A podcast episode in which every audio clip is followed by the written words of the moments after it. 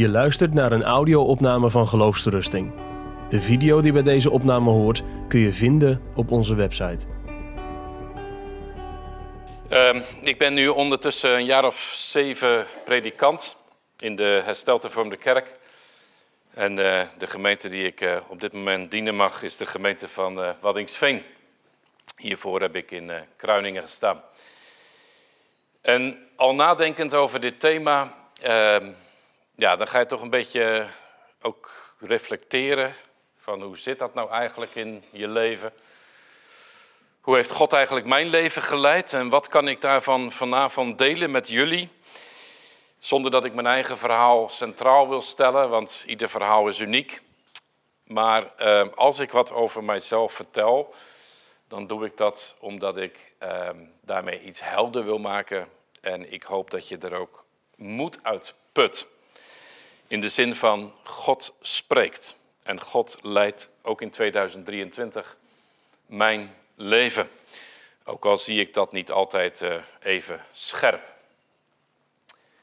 Er wordt ondertussen nog even wat aan de sheets gefriemeld, zie ik.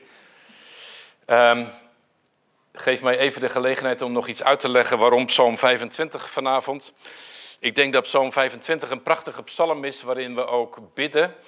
Heere, leid mijn leven.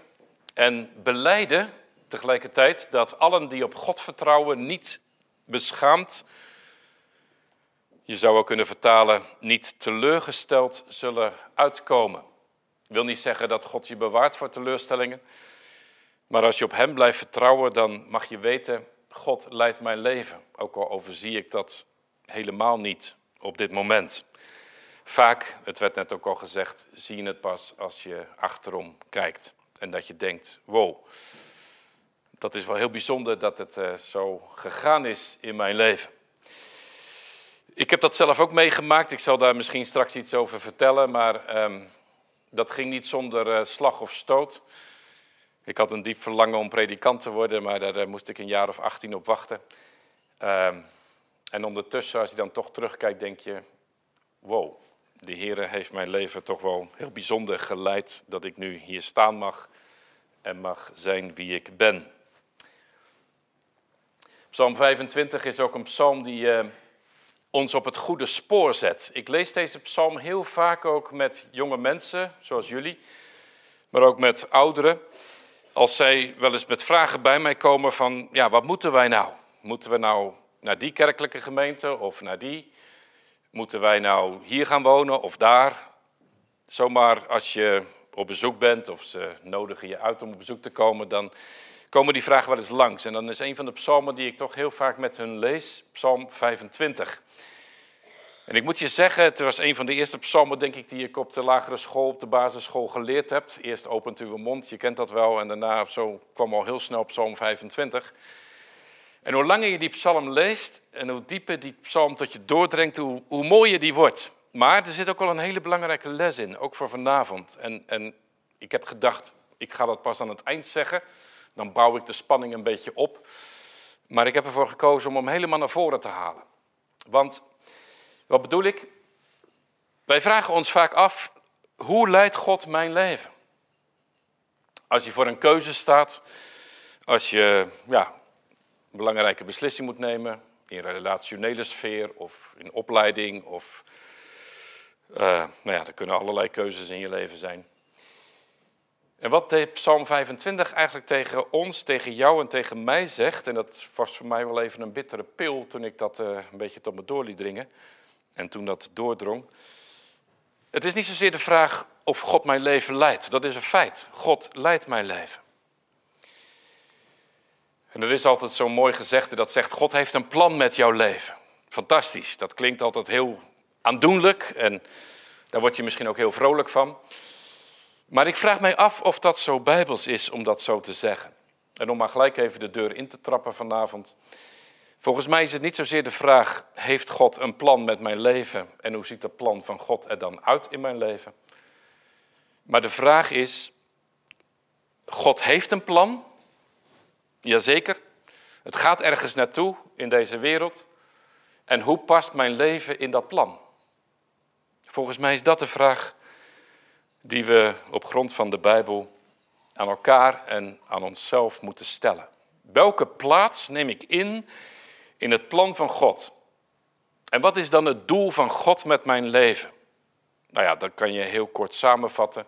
Het doel van mijn leven is dat ik God zal eren, God zal dienen en tot eer van God zal leven. En hoe past dan de keuze die ik maak en, en, de omstandigheden waarin ik verkeer, hoe passen die daarin? Wil niet zeggen dat het dan gelijk mee opgelost is of zo, dat het allemaal makkelijker wordt, in tegendeel. Want dan kom je natuurlijk op de volgende vraag. En wat is dan Gods plan en hoe pas ik daarin? Nou, daar ga ik proberen wat dingen over te zeggen vanavond. En uh, als het allemaal niet helder is, dan uh, kom je in de vragen maar terug. Ja. Het gaat dus om de vraag, hoe leidt God mijn leven? Eigenlijk is dit een hele moderne vraag. Klik er maar even door. Deze vraag werd vroeger eigenlijk helemaal niet zo gesteld. Eigenlijk is die vraag sinds de 19e eeuw een beetje in opkomst. Je had vroeger ook niet zoveel om te kiezen. Laten we eerlijk zijn. Klik er maar even door. In vroegere tijden, ja, als het ging over beroepskeuze, je werd wat je vader deed. En als je meisje werd, was, dan uh, ja, deed je vaak wat je moeder deed.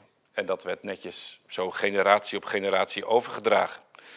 En je had eigenlijk niet zoveel keuze. Je vader was bakker, jij werd bakker. Je vader was uh, buschauffeur, jij werd buschauffeur. En eigenlijk sinds 1900 zo'n beetje, dus ja, dan praat je over, uh, wat is het, 120 jaar geleden, komt deze vraag ook in de literatuur pas stevig naar voren. Ook was je beperkt in je mogelijkheden. Kijk, wij hebben een soort keuzemenu en we kunnen van alles bekijken, we kunnen alles lezen, we kunnen overal bij, we kunnen soms dingen live volgen die zich ergens anders op deze wereld uh, afspelen. Maar als je eventjes uh, zo'n, uh, nou dat je niet eens heel veel terug in de tijd, misschien een honderd jaar of zo, dan speelde je leven zich af binnen de dorpskern. Daar ontmoette je je huwelijkspartner ook in dat verband. En als je verhuisde, dan deed je dat meestal binnen datzelfde dorp. Je ging niet zeg maar heel mobiel op kamers en overal naartoe. Dat was een beetje voor de elite. En verder had je eigenlijk niet zo heel veel keuzemogelijkheden. Eigenlijk was het leven in die zin wel een stuk simpeler. En pas in 1900 komt dit onderwerp dan in de picture, zou je kunnen zeggen. Dan worden daar de eerste boeken over geschreven.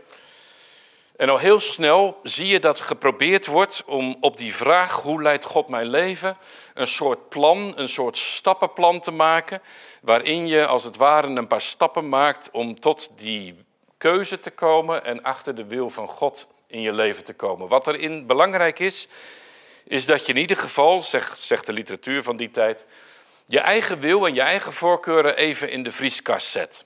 Het gaat niet zozeer over van, nou, ik wil dit nou eenmaal graag en past dit in het plan van God? Nee, de vraag is andersom, wat is het plan van God en wat heb ik dan te willen? Het is ook niet zoveel de, niet, niet de vraag of je je gevoel daarin moet volgen, maar de, de boodschap is, volg wat God in zijn woord aan je bekend maakt. Hier zit je wel gelijk een beetje met een probleem, maar ja, je zal maar voor een schoolkeuze staan. Moet je nou verpleegkundige worden of uh, toch uh, onderwijzeres? Ja, dat staat niet in de Bijbel. Dus hoe kom je daar dan op die manier achter? Nou, belangrijk is, is dat je leeft bij het woord en je laat leiden door de geest. Dat je oplet op de omstandigheden waarin je zit. Dingen die zich voordoen in je leven. Uh, dingen die mensen misschien tegen je zeggen. En dat je door gebed en bijbellezen komt tot een keuze voor God. En dat kan wel een onzekere keuze zijn, dat je denkt, ja, is dit nou wel de goede keuze? Belangrijk is daarbij, wordt van meet af aan gezegd, ook in de literatuur die hierover gaat, is dat je vrede ervaart met God. Als ik dat even voor mezelf, ter voorbeeld, hè, uh, helder mag maken. Uh, toen ik van de VWO afkwam, toen ging ik economie studeren. Nou, dat werd niet zo'n succes. Dus uh, mijn leven stortte een beetje in elkaar. En toen gebeurden er een aantal dingen in mijn leven, omstandigheden die zich voordeden in, in de familiaire sfeer. Een bepaalde belangstelling werd gewekt. En bepaalde mensen in mijn leven die zeiden, joh, jij moet iets anders gaan doen. Nou, dat is leuk, maar wat dan? Nou, is het bijvoorbeeld studeren van psychologie niet iets voor jou? Nou, dat de eerste keer denk je, ja, het zal, het zal wel. Geitenharen sokken en, zie je, en uh, pijprokende mensen, dat uh, sprak mij nou niet zo aan. Maar als dat een paar keer achter elkaar wordt gezegd door verschillende mensen die dat niet hebben overlegd met elkaar, dan ga je wel nadenken. En vervolgens word je naar het woord gedreven en het gebed van, heren, wat wilt u nou? Ik dacht een economische carrière, flitsend geld, snelle auto's enzovoort. Moet ik nou echt me met die softe wetenschap van de psychologie gaan bezighouden? En dan is het toch de Heer die op een gegeven moment zegt: Ja, die kant moet je op. En op het moment dat ik die keuze maakte om in Leiden me te melden, toen gaf het ook wel vrede in mijn hart. Is daarmee gelijk alles opgelost? Nee, natuurlijk niet. Maar gaandeweg de rit zie je dat de Heer dat ook zegent. En een vak wat ik in economie niet haalde, statistiek, daar slaagde ik glansrijk, eh, glansrijk voor in de psychologieopleiding. En daar zag ik wel een bevestiging in van, dit is de wil van de Heer. Ook al begreep ik dat niet altijd. Als je even kijkt ook naar de omstandigheden, ik zette daar net al iets neer, ik zal dat niet heel uitgebreid vanavond zeggen, maar je ziet natuurlijk in onze wereld dat je wel heel erg op jezelf ook wordt teruggeworpen. Ook met die vraag, wat is het plan van God in mijn leven, met mijn leven? Hoe leidt God mijn leven? Dan word je heel erg op jezelf teruggeworpen. En dat is ook wel een sociaal-cultureel dingetje. Het individualisme viert hoogtij. En wij zijn eigenlijk niet zo snel misschien gewend, en misschien ben je het me oneens als ik dat zo zeg, maar dan hoor ik dan straks wel. Maar wij zijn niet zo gewend om te vragen, heren, wat wilt u nou precies dat ik zal doen? Vergis ik mij dat ook in de kerk toch wel een beetje het individualisme naar binnen sluipt. En dat het toch wel heel erg om mijzelf, mijn persoontje, mijn keuzes, mijn toekomst gaat draaien. Dat is sociaal-cultureel gezien. En dan hebben we bij de volgende dia nog een psychologisch fenomeen. En dat noemen wij tegenwoordig keuzestress. Het is ongelooflijk hoeveel keuzemogelijkheden jullie hebben. Dat is ongekend. En misschien besef je dat niet eens, maar sommige mensen zeggen dat wel eens. Jullie krijgen in een week meer prikkels te verwerken als een Neandertaler in zijn hele leven. En dat zet ook wel tot denken. Er zijn zoveel mogelijkheden, zoveel die, die studiekeuze, daar wonen, die kamer, die vriendengroep. De mobiliteit is natuurlijk vrij groot. Je komt met veel dingen in aanmerking. Er is grensverkeer ook binnen en buiten de kerken. En de, ja, het wordt er niet echt veel duidelijker op. Dat geeft veel keuzestress. En daar lijden jongeren, en niet alleen jongeren, eh, toch wel flink onder. En dat is ook wel iets van onze tijd. En, en wat daarbij komt is, als je dan inderdaad zo op jezelf teruggeworpen wordt, dan ben je ook maximaal verantwoordelijk voor jouw keuze. En als je dan de verkeerde keuze maakt, dan ben je ook maximaal daarvoor aansprakelijk. En dat is een beetje ook de vraag, dat is echt een moderne vraag, dat zie je heel vaak in onze samenleving. Als er iets misgaat, is de eerste vraag, wie heeft hier schuld aan? Wie kunnen wij zeg maar, daarvoor ter verantwoording roepen? En dat zit heel diep in onze genen. En dat maakt het ook spannend om keuze te maken. Want ja, als je de verkeerde keuze maakt, dan heb je of een studieschuld, of je valt buiten de vriendengroep, of je, ja, je, je, je, je gaat een verkeerde weg in. En is dat dan wel de weg van God? Ja. Waar het vroeger dus heel erg gemeenschappelijk was, en ook de gemeenschap een hartig woordje sprak, daar zit je tegenwoordig toch wel een beetje als dat eenzame vogeltje. En ik weet niet of jullie dat in de gaten hebben. Dat klinkt nu, dat klinkt nu een beetje belerend, maar zo bedoel ik dat niet. Maar ehm, als ik wel eens met mijn kattegezanten daar ook over spreek, die ervaren dat niet echt als een probleem of zo. Terwijl ik denk van, wow, ik heb toch wel een beetje met jullie te doen. Als je zo jong al zulke ingrijpende keuzes soms voor beroep of vervolgopleiding of anderszins moet maken. Je kan hier ook twee extremen in gaan uh, innemen. Je kan zeggen, het is mijn keuze, mijn verantwoordelijkheid om mijn leven vorm te geven. Nou, dan ben je zelf heel erg verantwoordelijk en dat is onze samenleving wel een beetje het leidend principe. Het andere extreme is dat je zegt, ja, het zal allemaal wel, God leidt het. En, uh, Ik wacht op een spectaculaire roeping van God of een Bijbeltekst of wat dan ook. Maar tot die tijd wacht ik het wel rustig af en doe ik eigenlijk niet zo heel veel. Er zijn verschillende manieren hoe je mee om kan gaan. Ook in de literatuur worden die genoemd. Je hebt mensen die zeggen, ja, de keuze van God, die, die kom je op het spoor door goed je oren en je ogen open te zetten op je levensweg. En dan zijn er signalen, soms bijbelteksten, uh, dingen die in je leven gebeuren. En daar moet je heel alert op zijn. En dat bepaalt welke keuze je maakt. Welke keuze je ook met God in het gebed maakt. Een ander zegt, nou nee, uh, je moet niet te veel letten op die omstandigheden. Het gaat er meer om dat je een leven hebt met God, dicht in zijn nabijheid. En dat je je door de geest die in ons woont laten leiden. En een derde stroming die zegt, waar het nou ten diepste op aankomt, is dat wij ons bekeren. Dat wij ons afkeren van dat moderne denken in onze tijd.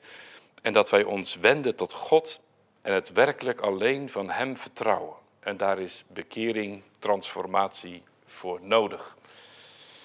Nou, dit zijn natuurlijk modellen, maar dat geeft even een beetje de werkelijkheid weer. Klik deze maar even door. Hierbij zijn wel een paar valkuilen ook te noemen. Een van de valkuilen is dat je bijvoorbeeld alleen op momenten dat het, dat het gaat spannen, dat er keuzes in je leven komen, dat je dan God nodig hebt. Dan wordt God een zogenaamde verandergod. De rest van mijn leven, dat gaat wel redelijk allemaal. Maar op het moment dat ik uh, keuzes moet maken, dan uh, heb ik hem wel heel erg nodig. Ander gevaar is dat het heel erg gaat om mij, om het hier en nu, om mijn eigen keuze.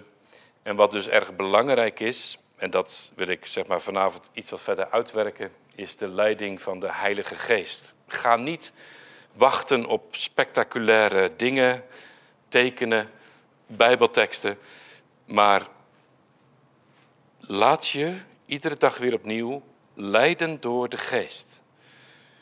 Hij is ons beloofd dat Hij in ons wil wonen, dat Hij ons in alle waarheid zal leiden, dat Hij het uit Christus zal nemen en het ons zal geven en dat Hij ons ook de weg zal wijzen die wij te gaan hebben. En dat vraagt vertrouwen, maar allen die op God vertrouwen komen niet teleurgesteld uit, hebben we zojuist al gezongen. Ja. Hoe zit het nou met die roeping? Nou ja, vroeger werd gedacht, en misschien nog wel eens, alleen predikanten hebben een bijzondere roeping. Luther die ging daar heel erg tegen tekeer, die zei nee, iedereen heeft een roeping. De bakker heeft een roeping, de slager heeft een roeping. En de predikant of wie dan ook heeft ook een roeping.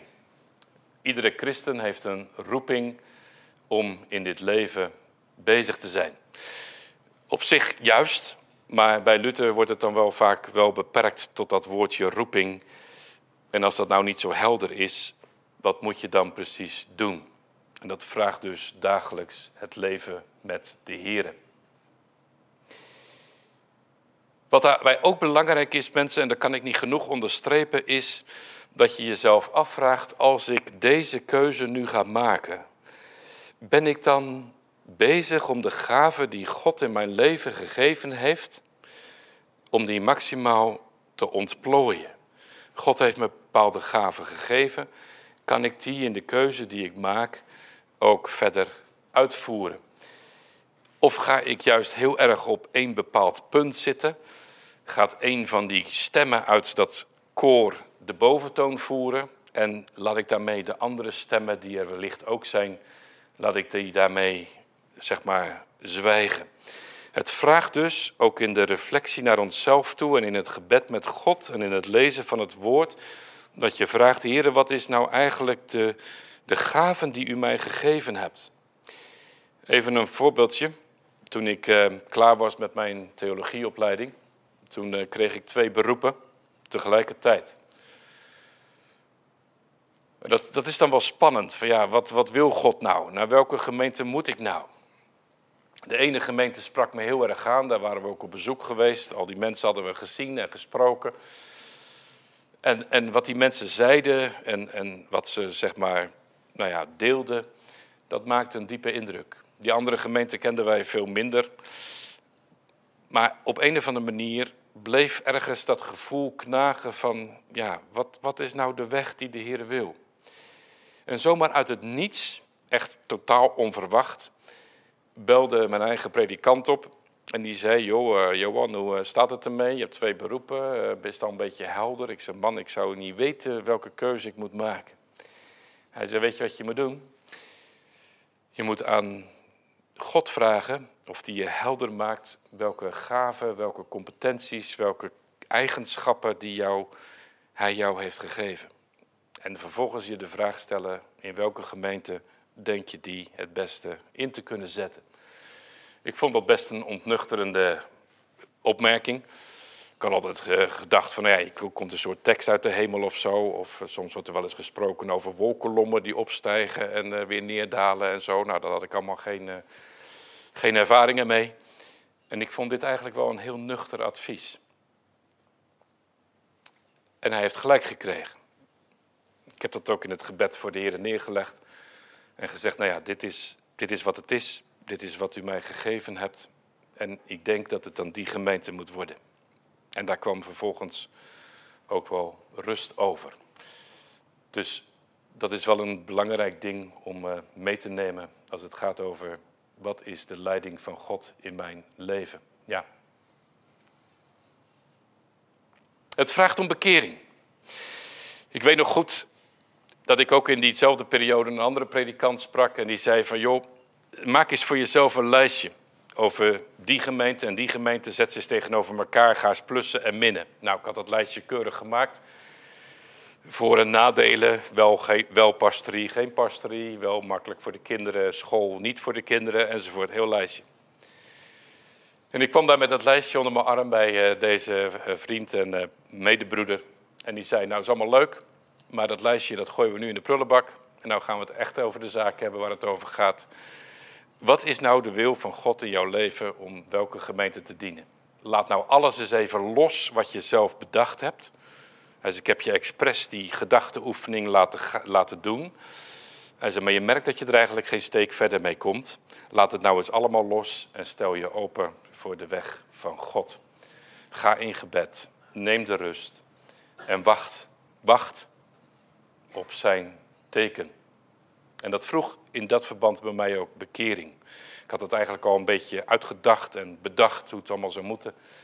En het ging toch net even weer een andere kant op. Ja. Wat dus belangrijk is, ook in het maken van keuze en achter, erachter komen wat is nou de leiding van God in mijn leven, is dat je ook bij mensen die om je heen staan, christenen die met je meebidden, meelezen, meeleven, dat je daarmee in gesprek gaat. Dat je bidt om christelijke wijsheid en dat je probeert om uit die stress te komen, om in vrijheid die keuze te maken en daar vervolgens ook mee daarvoor verantwoordelijk te zijn. Maar nogmaals, niet uit de angst levend, maar uit het vertrouwen levend dat de Heer je leven leidt. En ja, dat wil niet zeggen dat het dan altijd even helder is dat er een stukje onzekerheid blijft. Nou, misschien is het goed om dat alles wat ik nu heb gezegd een beetje in een persoonlijk verhaal te gieten. En daarna wil ik eh, afsluiten met een paar conclusies. Zoals ik al zei, ik uh, heb ooit uh, economie gestudeerd. Ik zag dat wel zitten, dat in mijn ogen, ook misschien een beetje vertekend beeld, maar goed. Het snelle geld, carrière maken. Vervolgens ging daar de klad in en zette me God mee op het spoor van de psychologie. Daar ben ik ook in afgestudeerd. En daar ben ik de Heer tot op de dag van vandaag nog steeds bijzonder dankbaar voor. Je kan je begrijpen dat in het ambt van predikant het ook heel makkelijk is dat je wat weet van psychologie. Vervolgens dacht ik, en daar heb je hem weer, ik ging het weer zelf bepalen. Nou, als ik nou als straks klaar ben met psychologie, dan komt er natuurlijk ergens bij Elios of zo een plekje voor mij vrij. En dan kan ik op die snijvlak van theologie en psychologie helemaal mijn ding gaan doen. Dat, dat, dat zag ik helemaal voor me. Alleen dacht Elios daar net wat anders over. En uh, de heren ook. En dan? Nou, dan kom je op een crisiscentrum in Rotterdam. Ik voelde me daar buiten gewoon ongemakkelijk. Vervolgens kom je in een TBS-kliniek. Daar heb ik een uh, anderhalf jaar gewerkt en ik begreep er helemaal niks van. En ik heb dat ook vaak bij de heren neergelegd. Heren, wat wilt u nou? Ik begrijp niet wat ik hier doe. En vervolgens weer een sollicitatie bij Elios. Nou, dat werd weer niks. Grote teleurstelling. Totdat een van die mensen in dat gesprek zei van... joh, heb je wel eens gehoord van de Christelijke Hogeschool Ede? Nee, hoezo? Nou, daar zoeken ze een psycholoog. Oké, ik gebeld. Het was, eh, ik zal het nooit meer vergeten, het was op vrijdagmorgen. Ja, helaas, de sollicitatieprocedure was eh, gisteren gesloten. Maar vertel eens, eh, wat hebt u allemaal in uw leven gedaan? Nou ja, ik begon enthousiast te vertellen over psychologie en TBS. En dat ik ook nog iets met ICT-cursussen deed en zo. Eigen praktijk had als psycholoog. Hij zei, kom toch maar even langs aanstaande dinsdag. En ik kan je vertellen dat ik dinsdagavond een baan had. In Ede. Want wat zocht men in Ede? Men zocht daar een psycholoog die verstand had van justitiële inrichtingen. Die ook verstand had van psychologische ziektebeelden. Dat had ik vanuit mijn eigen praktijk. En die ook wel iets had met eh, ICT. En als klapper op de vuurpijl, ik had ook nog tussentijds ook in de kliniek en ergens anders gewerkt met allochtonen. Ook dat was een pre in de sollicitatie. En je kan wel, je kan wel aanvoelen wat er dan op zo'n avond gebeurt. Hè? Dan, dan, dan voel je als het ware dat al die puzzelstukjes, die voor mij twee jaar toch wel één grote brei waren, in één keer voor een heel groot deel allemaal op zijn plek vielen. En dan komt er toch wel een hele diepe verwondering over je dat je denkt van ja, het heeft twee jaar geduurd, maar ik ben nu wie ik mag zijn en ik mag nu op die CAE gaan werken. En met alle kennis die ik daar ooit heb opgedaan en ook op de CAE mag ik nu predikant zijn. Nou, hoe mooi komen die dingen bij elkaar. Ja. Wat je ook wel eens. Uh, in, ik weet niet, hoe, hoe lang heb ik nog? Heb ik nog een kwartier? Nog vijf minuten? Oké. Ja, ik zeg altijd tegen, tegen de kattegezant ook, als je mij laat gaan, dan eh, kom je nog niet van me af. Waar ik ook heel veel van geleerd heb, is om te kijken naar het leven van die aartsvaders. Ik heb er een paar op uh, de sheet staan. Noach, Abraham, Mozes, Jozef. Kijk, als je die verhalen leest, dan wil dat niet gelijk zeggen dat je weet wat je moet doen. Maar het heeft mij wel een aantal lessen geleerd. Noach, ga een boot bouwen. Hoe bedoelt u, Heere God? Ik zie hier geen druppel water in de buurt. En toch bouw je een boot, Noach. 120 jaar lang is die man met kapot geschaafde handen en blaren op zijn vingers bezig geweest om die boot te bouwen. Waarom? Omdat God het zei. En dat heeft eindeloos lang geduurd. Dat zie je ook in het leven van Abraham. Abraham, ga op pad. Ja, waar naartoe dan? Ja, naar het land wat ik je wijzen zal. Ja, hoe dan? Maar ik lees niet dat Abraham zegt, nou, het is me niet allemaal helder, dus ik blijf maar even op de plek waar ik ben. Nee, hij gaat. En natuurlijk, ik ben ook jaloers op die Abraham dat God zo duidelijk tot hem spreekt. Maar vergis je niet, soms moet hij 13 jaar lang wachten tussen de ene godspraak van God in zijn leven en de andere. En ondertussen gaat die man gewoon doen wat hij moet doen. Jozef, ook zo iemand. Hij droomt fantastische dromen. En dan zit hij in de gevangenis. Denk dat hij het daar voor elkaar heeft. Dat hij schenker voor hem gaat pleiten bij Farao. En vervolgens zit hij nog twee jaar in de bak. En later kan hij zeggen tegen zijn broers: Jullie hoeven niet bang te zijn. Ik ben helemaal niet boos. Wat jullie ten kwade hebben gedacht, heeft God ten goede gewend. Maar wat een lijdensweg voor die jonge knul, ver van huis, in een vreemde gevangenis. En Mozes, weet je, je bent prins. Je hebt toch ergens het idee dat God een belangrijke roeping, een bepaalde richting met jou op wil in je leven. En je loopt 40 jaar lang in de woestijn met van die schapen. Dat is toch echt een ongelooflijke aanvechting. En Mozes ziet zijn jaren ook voorbij gaan. En dat leert mij een paar dingen. Het leert mij gehoorzaamheid. Het leert mij trouw te zijn aan wat God zegt. Het leert mij om geduldig te wachten. Het leert mij om in tegenslag ook niet te moeten verliezen, maar op God te blijven vertrouwen. En zo leidt God mijn leven. En is dat altijd makkelijk? Nou ja, vraag het maar aan Mozes in die woestijn. En als je doorklikt, dan komen er nog wel een paar langs. Mensen als David. Hij wist dat hij koning zou worden. Maar hoe lang heeft het niet geduurd? En ondertussen ziet hij het land steeds verder in de ellende verdwijnen. En wat dacht je van Daniel? En toch zegt Daniel tegen die mensen daar aan het hof: Ik ga dat niet eten. Ik ga het gewoon niet doen. Waarom niet? Omdat God het zegt. Ja, maar Daniel, man, dat kan je je carrière kosten. Nee, God heeft dit in zijn woord gezegd en dat zal ik doen. En uiteindelijk wordt hij de derde man in het koninkrijk van Babel en later de Pezen en de Mede. Ja. En wat dacht je van Jezus zelf? 33 jaar lang op aarde, schande, bespot, niet begrepen, niet geloofd, afgewezen. Ja, hij was goed voor de broodjes en de visjes, maar een hart. En die discipelen dan, op het moment suprem in zijn leven, verlaten ze hem allemaal.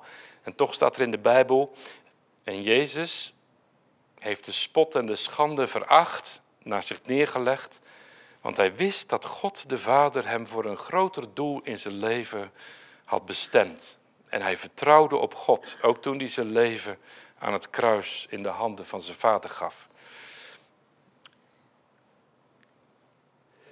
Dit is de laatste sheet. Een paar dingen die ik vanuit mijn eigen leven, ook vanuit een boekje, wat ik je aan kan raden, wat ik ook voor deze lezing gelezen heb. De Heere is mijn herder, maar hoe leidt Hij mij?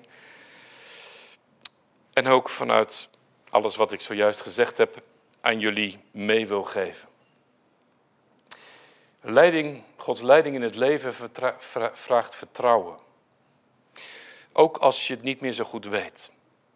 Ik wist op een gegeven moment zo duidelijk dat wij als gezin naar Kruiningen moesten gaan om daar predikant te worden. En de eerste twee jaar, mensen, ik ga er niet al te veel over zeggen, want dat is veel te, veel te privé, maar de eerste twee jaar is een drama geweest. Ja, maar heren, ik ben toch in uw weg bezig. U hebt mij toch hier geleid. Hoe zit dat nou?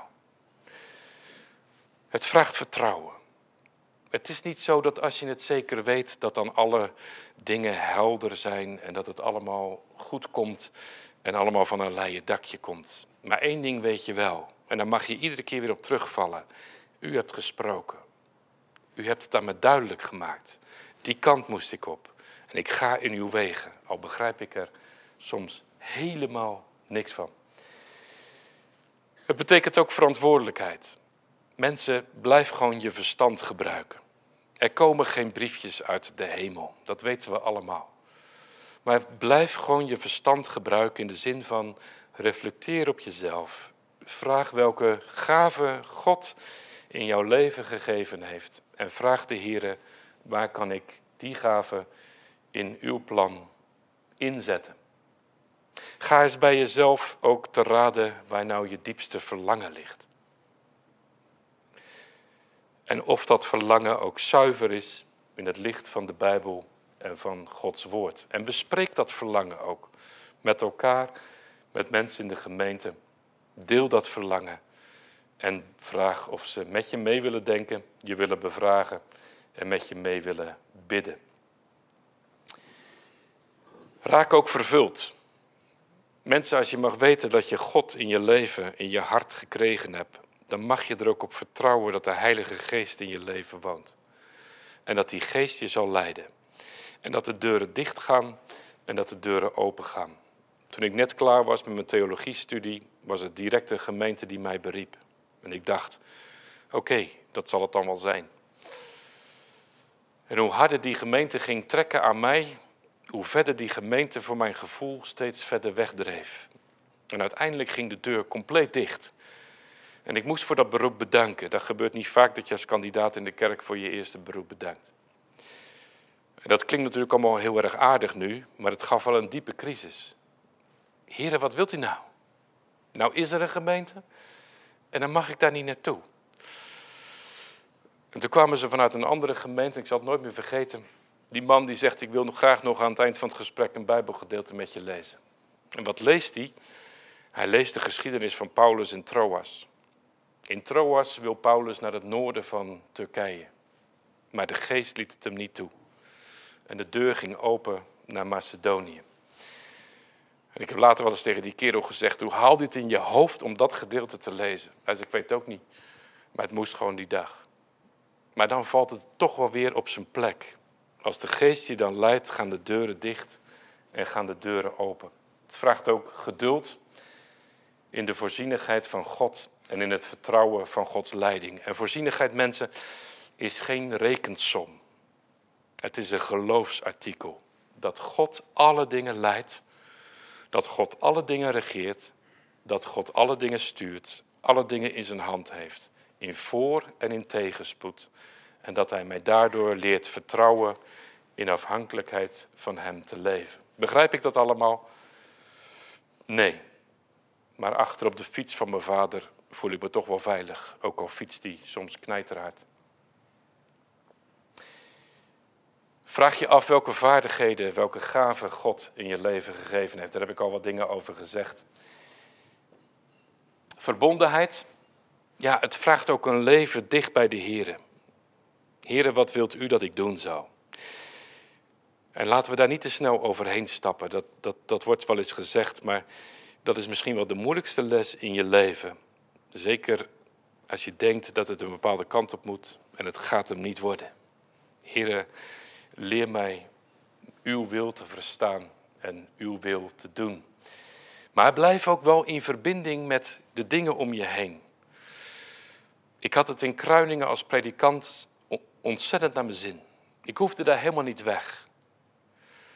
Maar als dan binnen vier maanden vijf mensen tegen je zeggen: Joh, heb je wel eens aan Waddingsveen gedacht? Zomaar uit het niets, ik had er niet om gevraagd. Ik zat er op mijn plek. Hoe komen ze erbij om over Waddingsveen te beginnen? Ik kende die gemeente eigenlijk helemaal niet eens. Maar ergens heb je dan toch in, in het gevoel en toch ook de zekerheid: God maakt mij los van Kruiningen en de volgende gemeente gaat Waddingsveen worden. Alleen wisten ze dat in Waddingsveen nog niet, want ze gingen een andere predikant beroepen. Nou ja, dat soort dingen gebeuren dan. En dan zit je dat in de krant te lezen en denk je, ja, die man die gaat niet aannemen, want ik moet daar naartoe. Um, even kijken, even spieken op mijn eigen vooruitzien. Ja, blijf, je mag je echt wel bij jezelf afvragen, welk verlangen heeft God nou in mijn hart gelegd? En geeft dat misschien een ja, richting aan wat zijn plan met mijn leven is. Maar vraag ook allereerst, heren, u hebt een plan met deze wereld. Ook al begrijp ik helemaal niet wat er in Israël gebeurt op dit moment en zo, en in de wereldgeschiedenis en in ons eigen land met de verkiezingen. Ja, je kent het allemaal wel. Maar God heeft een plan. En welke plaats mag ik daar innemen? Het vraagt volharding, ook als het tegenzit of niet helder ligt. En het vraagt om volgeling te zijn. Het woord lezen, het gebed, aan Jezus verbonden blijven. En Jezus zegt, wie mij lief heeft, doet mijn geboden. Het vraagt ook gehoorzaamheid. Soms is het ook vrij simpel. Hierbij wilde ik het even laten. Ik heb nog wel wat meer dingen, maar eh, de tijd eh, is denk ik op. Ehm, en ik denk dat er straks in de vragenronde misschien wel nog dingen naar boven komen. En als er nog ruimte is, wil ik je nog vanuit de coachingswereld nog iets meegeven. Waar je wellicht uh, wat aan hebt, waar ik in ieder geval zelf iets aan heb gehad. Ik wil jullie hartelijk danken voor jullie aandacht en tot straks. Je luistert naar een podcast van Geloofsterusting. Wil je meer luisteren, lezen of bekijken? Steun dan ons werk en ga naar de website geloofsterusting.nl.